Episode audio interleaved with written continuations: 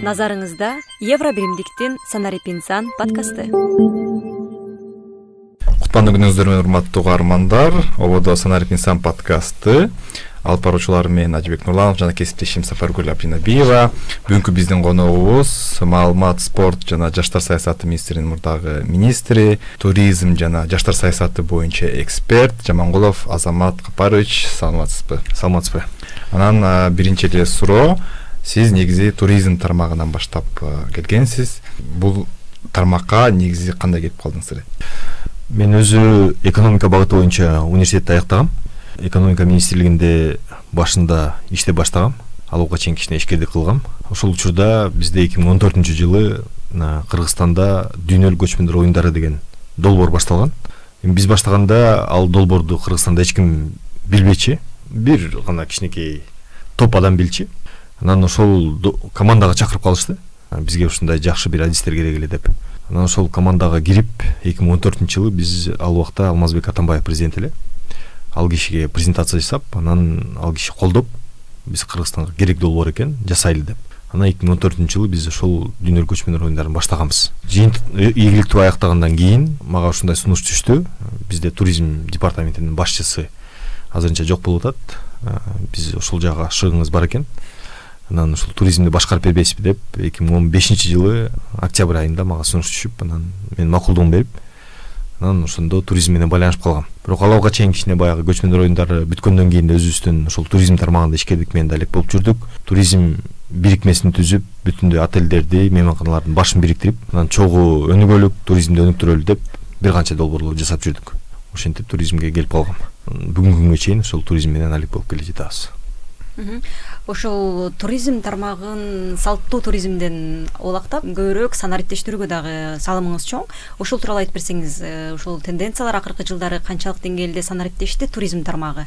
Жана дагы алдыда дагы канчалык санариптешет бул элдин турмушуна дагы кандай таасир этет деген суроолор менен. Биринчи кезекте эле биз э, кыргызстанды кыргызстандын тур продуктыларын билдирген э, дүйнөлүк туристтерге мындай биздин өлкөнү ачып бере турган санариптик продуктылар аз экенин биз ошол убакта көргөнбүз. Өзгөчө жалпылай туризм боюнча сайт жок экенин баамдап анан биз бир канча донорлор менен ошол жерде сүйлөшүп анан биринчи жолу кыргызстандын дискава кыргызстан точка орг деп кыргызстан жөнүндө туристтик сайт түздүк элек. Ошол жака болгон маалыматтардын баардыгын киргизгенбиз. Фото материалдар видео материалдардын баардыгын ошол жакта жүктөгөнбүз андан кийин баамдап карап көрө турган болсок туристтердин көбү социалдык тармактарга өтө баштады. Блогерлердин жазганынан көбүрөөк кеңеш алып ошол мамлекеттерге бара баштады. Ошондуктан андан кийин экинчи дүйнөлүк көчмөндөр оюндары ошого окшогон чоң долбоорлор болду. Ошол учурларда биз дүйнөдөн бир канча мындай саякаттоону жакшы жазган блогерлерди кыргызстанга алып келе баштадык. Япониядан кореядан башка өлкөлөрдөн алар көбүрөөк ошол өздөрүнүн социалдык баракчаларында жазсын кыргызстан жөнүндө бир жарнамалап берсин деп анан бир канча акцияларды өткөрүп жүрдүк. Андан тышкары инстаграмда ютубта башка социалдык тармактарда биз дискава кыргызстан деген атайын баракчаларды ачып ал жерде ошол келген туристтердин жакшы пикирлерин жакшы видеолорду фотолорду жүктөп э, кыргызстанды жарнамалаганга аракет жасадык. Эми бүгүнкү күндө дүйнө санарип дүйнөсүнө айланып келе жатат.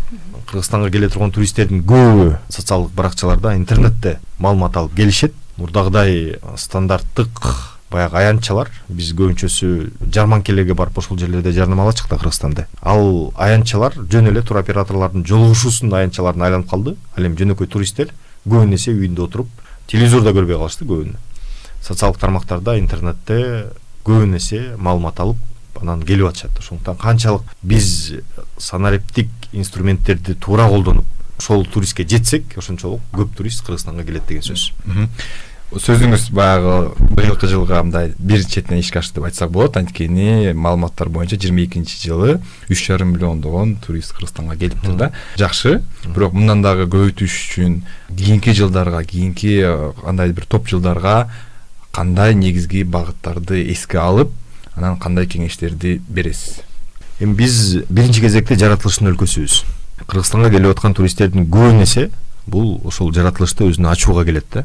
Биздин тоолорубуз биздин сууларыбыз биздин мындай туристтик атайын парктарыбыз бүгүнкү күндө туристтерди кызыктырып турат. Анан алар келгенде биз экстремальный туризм деп коебуз. Экстремалдык туризм менен алек болушуп эгер чет элдиктерди карап көрө турган болсок көбүнчө европа өлкөлөрү япония корея өлкөлөрү бизге ошол экстремалдык туризмге келип атат алар өздөрүнүн сумкаларын асынып алып биздин тоолорду кыдырып ат менен кыдырып жөө кыдырып велосипед менен кыдырып же болбосо машина менен унаа менен кыдырып кыргызстанды өздөрүнө ачып атат. Экинчи кезекте биз э, баягы улуу жибек жолундагы тарыхый бир мамлекеттердин бирөөсүбүз ошонун ичинде көчмөндөр турмушунун терең көрсөтүп берген мамлекет катары биз маданий туризмди бүгүнкү күндө өнүктүрүп атабыз. Үчүнчүсү бүгүн дүйнө жүзүндөгү туристтердин жыйырма жети пайызы бул улуу жибек жолунун мамлекеттерин көргөнгө кызыктар. Ошондуктан мен ойлойм бул тренд улуу жибек жолу ошондуктан кыргызстан казакстан башка мамлекеттер менен биригип жалпы туристтик пакеттерди жасап жибек жолунун тарыхый шаарларын көрсөтүш керекпиз.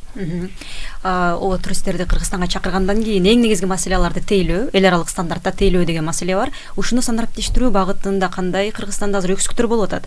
Жөнөкөй жарандар э, туристтерди тейлөө аркылуу кандай жумуштар жасаса болот? Жалпы эле ушул туризм аркылуу жөнөкөй эле айылдагы же болбосо кайсы бир маданий жайлары бар тарыхый жайлары бар айылдар туристтерди тейлөө аркылуу кантип жумуш тапса болот өздөрүнө санариптешүүнүн алкагында.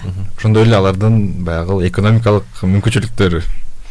Кыргызстан бул жааттан алганда борбордук азия мамлекеттеринин алдында десек болот. Мындай элдердин туризмге кирип адаптация болуп анан ошол жерди өзүнө өздөштүргөн жагынан биз башка мамлекеттердин алдыдабыз анткени мына швейцариялык сибити долбоору келгенде биз башка мамлекеттерден биринчи болуп аны кабыл алып анан биздин ишкерлер аны абдан жакшы колдонуп атат бүгүнкү күндө. И башка башка системаларды дагы карап көрө турган болсок ошолор абдан тез кирип тез кабыл алган учурдабыз. Бирок эми көйгөйлөр дагы көп бүгүнкү күндө абдан көп. Биринчи кезекте кыргызстанды жарнамалоодо санариптик технологияларды бүгүн толук кандуу түрдө өздөштүрө элекпиз экинчиси эгер чын жырчаны карап көрө турган болсок биринчи кыргызстан жөнүндө билиш керек. Ошо билүүдө бүгүнкү күндө көйгөйлөрүбүз бар. Кыргызстанга келгенде аэропорттон чыкканда такси кызматтары.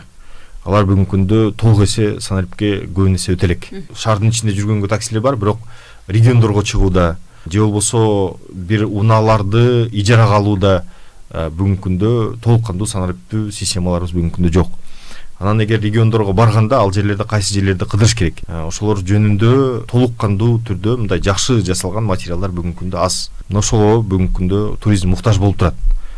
Биз дагы регионго барганда ишкерлер менен жолукканда бүгүн мына чөнтөк телефондор жакшы бир деңгээлге келип калды. Жакшы камералар бар.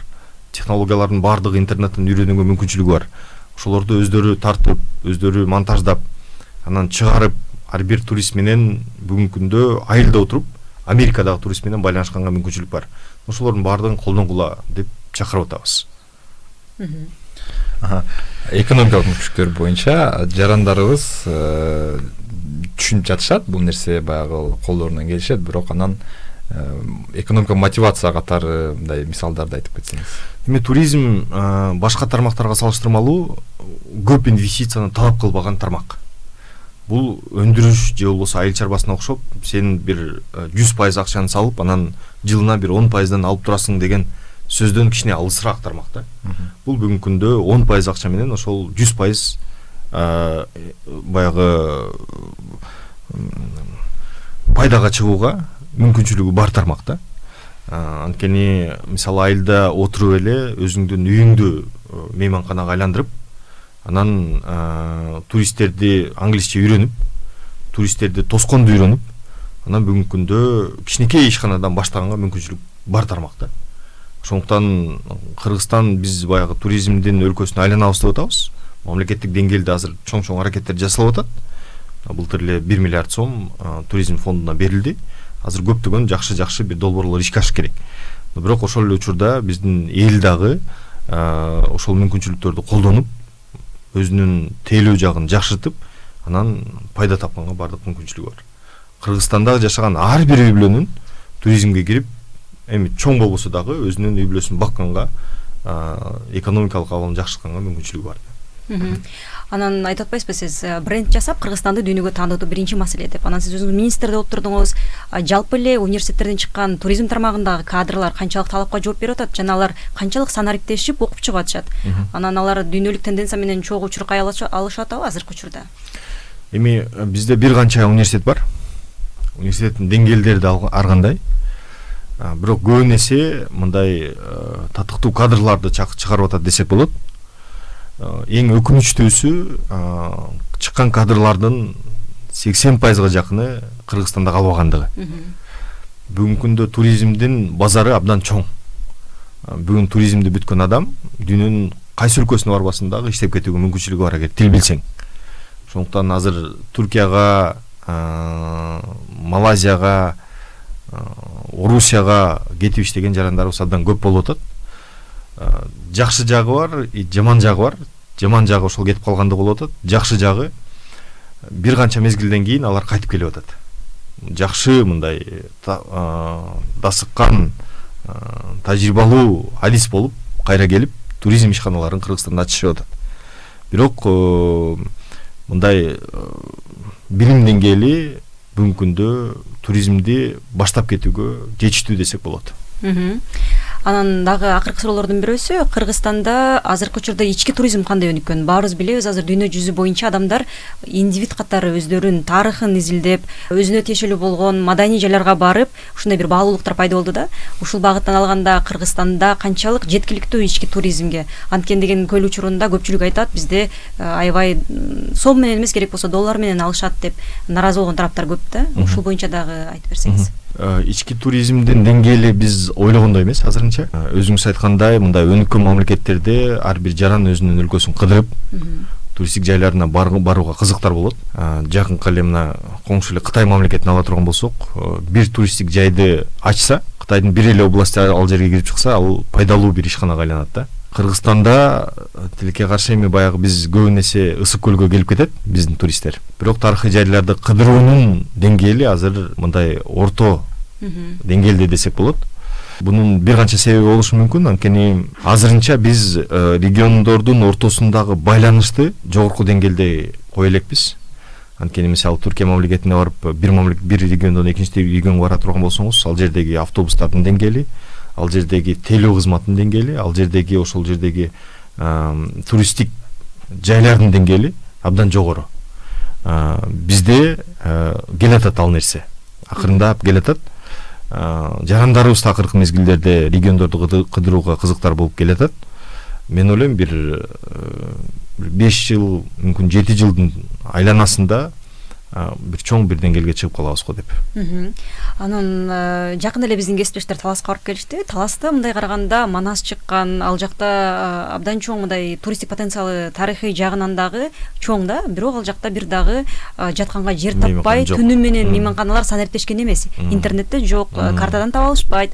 Барып эшиктерин тыкылдатса ужуктап калышкан. Ушундай чоң маселе болуп атат да. Анан ушунча кыргызстан боюнча чоң потенциал турган таласта ушундай болуп аткандан кийин анан башка аймактар кандай болуп атат деген суроо жаралат да аларга эмне маселе болуп атат ушундай санариптешүүгө же болбосо алар эмне министрлик менен иштеше албай атышабы? Же буга өз алдынча аракет кылыш керек беле алар? Ну биринчи кезекте мен ойлойм бул жерде суроо талап акыркы мезгилде гана пайда болуп келатат. Мурда эми көбүн эсе келгенде үйлөрүнө жатып же болбосо башка бир мындай шарты жок болсо дагы жайларга жатууга мүмкүнчүлүгү бар эле да азыр эми туристтер ички туристтер дагы талапты коюп калышты. Атайын шарттарды. Э атайын мисалы таласка келе турган болсом мен мисалы таластыкмын. Менин кээ бир таластык досторум дагы эгер үй бүлөсүнүн баардыгы бишкекке көчүп кетсе алар таласка барганда бирөөнүн үйүндө эмес мейманканада жатканды каалап калышты да. Ооба. Ошондуктан мына ушул талап пайда болгондон кийин азыр эми ишкерлер ага карата өзүнүн сунуштарын бере баштайт болуш керек бирок э, туризм жаңы жаңы мындай көп ишкерлер тарабынан түшүнүп келатат. Булоокка чейин көбүн эсе айыл чарбанынга салым басым жасашып ошол жака салымын кошушса азыр туризмди көп ишкерлер түшүнүп нарында дагы ошондой маселе эле азыр нарында чечилип калды көп маселелер. Таласта эмнеге жок анткени туристтер абдан аз болгондуктан ички туристтер аз болгондуктан. Келип кеткен гана туристтер мүмкүн ишкерлер ага карата өздөрүнүн сунуштарын бере элек болчу. Эми азыр акырындап бере башташат. Канчалык талап чоңойгон сайын ишкерлер ушул жерден акчаны көрөт дагы анан чоң чоң мейманканаларды кура башташат. Ошондуктан биздин негизги максат ошол талапты чоңойтуш керекпиз жарнамалаш керекпиз ошол жака барууга түрткү болуш керекпиз элдердин. Ал жерге барганда уже ишкерлер ошондой шарттарды түзүш керек эфирибизди жыйынтыктайлы убактыбыз болуп калды. Ачык мазмундуу э, кыска жоопторуңуз үчүн чоң рахмат сизге. Чоң рахмат. Аман туруңуздар. Назарыңызда евробиримдиктин санарип инсан подкасты